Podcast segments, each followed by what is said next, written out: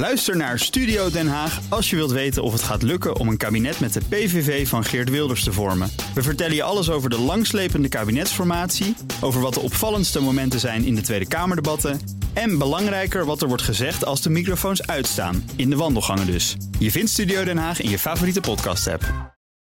Dit is de Oekraïne Ochtend Update. Mijn naam is Geert-Jan Haan. En ik ben Bernard Hammelburg. We praten hierbij over de laatste ontwikkelingen in Oekraïne. En de gevolgen voor en de reacties van de buitenwereld. Je vindt deze podcast in je favoriete podcast-app. Het is tijd voor de Oekraïne-update. Het laatste nieuws en de ontwikkelingen rondom de oorlog in het oosten van Europa bespreek ik met Bernard Hammelburg, buitenlandcommentator bij BNR, en Geert-Jan Haan, Oekraïne-watcher en Europa-verslaggever. Welkom heren. Morgen. Goedemorgen.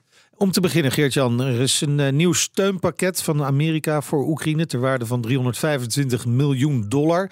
Wat, uh, wat mag Oekraïne van dat pakket verwachten? Veel militaire steun, dat is het idee. Heel veel munitie in aanloop naar uh, de Ramstein-conferentie. Dat is een, een bijeenkomst die één keer in de volgens mij vijf à zes weken in Duitsland wordt georganiseerd met alle ministers van Defensie van de partijen die uh, Oekraïne steunen, plus uh, de Oekraïnse minister zelf. En uh, ja, Amerika loopt dus al warm voor Ramstein 11 is het geloof ik, door te zeggen, nou dit is wat we nu kunnen leveren.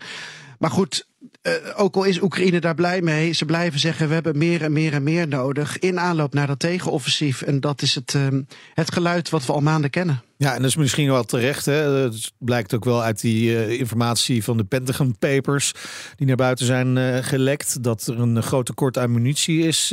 Bernard, dit, dit pakket van Amerika, is dit vooral bedoeld voor de verdediging van de huidige situatie of ook echt bedoeld voor dat lenteoffensief?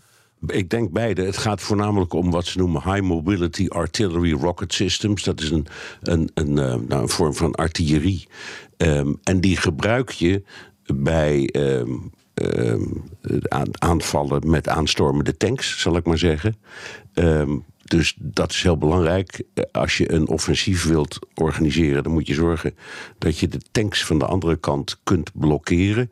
Dat schijnt met deze apparatuur het beste te gaan. En daar is voortdurend gebrek aan, omdat ze die dingen zo snel wegschieten. Dus uh, de, die, de fabrikage loopt nou ja, op volle toeren. En Amerikanen die, die geven als het ware een signaal ook aan Europa denk ik. Van denk erom, uh, als we daar in Ramstein met z'n, wat is het, veertig bij elkaar zitten. Jullie moeten allemaal ook even een duit in het zakje doen. Anders gaat het mis. En er komen overigens ook mijnen zitten er in, pakket, in dit pakket. En ook dat die zijn ook weer een anti-tankmijn. Ja, ja. Ook een heel ja. apart uh, ding. Dus het is een heel specifiek gedefinieerd pakket. Ja, uh, Geert-Jan, laten we het even over dat, dat tegenoffensief hebben van Oekraïne. Hè? Want we horen daar natuurlijk al, al weken, maanden over dat er een lenteoffensief aan zit te komen. Maar dat het ook heel moeilijk is voor Oekraïne. Er wordt nu ja, eind april of toch mei gezegd. Wat is nu de verwachting? Ja, ten eerste begonnen we over het lenteoffensief te praten aan het begin van de winter. Ja. En daardoor hebben we met z'n allen enorme verwachtingen gekregen van een lenteoffensief. En dat op de eerste dag van de lente, of het liefst al daarvoor, er een offensief vanuit Oekraïne zou komen. Ik denk dat het belangrijk is om even uh, uit te leggen um, dat er natuurlijk een Russisch offensief was. Uh, waaruit is gebleken dat er niet veel terreinwinst is geboekt. Dat het onduidelijk is wat daar nou precies de doelen van waren. Ook al werd er gezegd voor 1 april moet de Donbass zijn ja. veroverd. Zo'n front is niet een, een één grote massa oprukkende soldaten. Het is niet de invasie van Normandië, zal ik maar zeggen. Nee. Dat is een ouderwets traditioneel front waar je ook, ik zal maar zeggen, visueel iets bij kunt voorstellen. Dit is veel meer gericht op specifieke plekken. Uh, ergens langs die frontlinie. En daar zijn ze volgens mij in de planning nu het hardst mee bezig. Op welke plekken gaan we dat doen en hoe? Uh, maar het idee dat je langs die hele frontlijn in één keer met een enorme massa soldaten zo'n aanval kunt doen, dat lijkt me onwaarschijnlijk. Bovendien, er zijn ook allerlei berichten dat uh, niet alleen de Russen, maar ook de Oekraïners echt, echt een beetje problemen hebben met het bemannen van hun ja. uh, posities. ze raken gewoon, om het simpel te zeggen, door hun soldaten heen. Dus ook dat wordt in, in, hier in in meegenomen.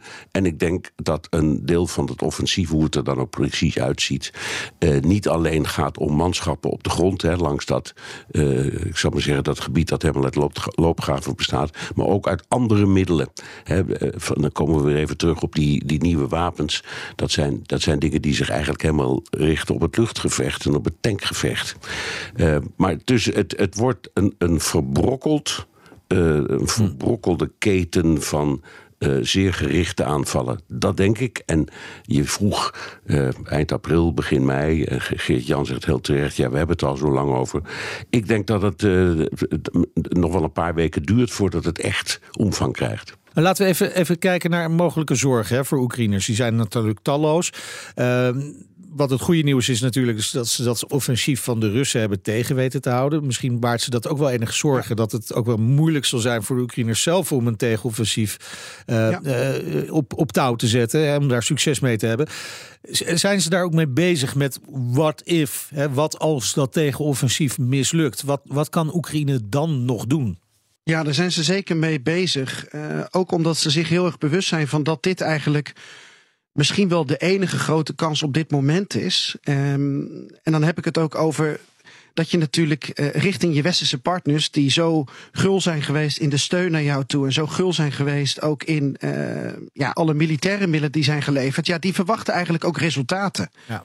Dus ik verwacht ook eigenlijk een soort meer frontenoffensief. Daar gaat het veel meer over nu in Oekraïne dan dat er maar op één punt wordt aangevallen. Ergens moet Oekraïne een succes boeken.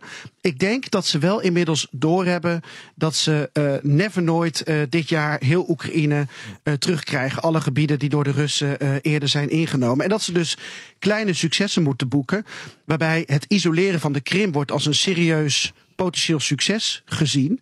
Maar je kan ook denken in dat ze toch in het noordoosten van de Oekraïne een deel van hun gebied terugkrijgen, waarmee ze de Russische logistiek weer verder uh, isoleren. Dus op die manier moeten ze gaan denken, ook omdat ze eigenlijk wel stiekem weten dat ze eind dit jaar niet de Krim en um, het hele oosten al terug zouden hebben. Dan, dan nog even naar de, de graankwestie, uh, Geert-Jan. Uh, die, uh, die drukt misschien ook wel een beetje op de solidariteit van Europese landen richting Oekraïne. Goedkoop graan uit Oekraïne komt op de Europese markt terecht. Er zijn wat ontwikkelingen in. Hè? Want we, we hoorden natuurlijk dat een aantal landen, waaronder Polen, Oekraïns graan verbiedt op de markt. De Europese Commissie stelt nu 100 miljoen dollar beschikbaar om de dwarsliggende landen te compenseren. Hoe, hoe gaat dat werken en gaat dat effect hebben? Nou, ten eerste, uh, er is eigenlijk nog geen uh, deal. Okay. Want uh, de eurocommissaris voor Handel die heeft de blaren op zijn tong gepraat gisteren in een videooverleg met vijf ministers. En daar is gisteravond laat uitgekomen Um, dat bijvoorbeeld Polen nog niet akkoord is met dat die hele vrije handel met Oekraïne weer kan plaatsvinden. Dus het vindt onder allerlei restricties plaats. En die 100 miljoen euro, dat komt ook uit een soort ja, noodfonds, crisisfonds um, van de Europese landbouw. En dat wordt dan aan deze landen beschikbaar gesteld. Uh, die kunnen ze dan weer aan de boeren doorgeven. Maar tegelijkertijd, dat pakket, dat lag eigenlijk al op tafel voordat een land als Polen bijvoorbeeld de grenzen heeft dichtgegooid. Uh, alleen ze hebben meer willen afdwingen, want dat zie je aan de houding nu van Polen en Hongarije. Ze willen meer in het geval van Hongarije zelfs dat er een deel van dat corona-herstelfonds, van die miljarden die nog op voorraad liggen in Brussel, dat die ook als een soort wisselgeld weer worden ingezet. Dus het is een uh, netelige kwestie geworden, mijnde. Ja.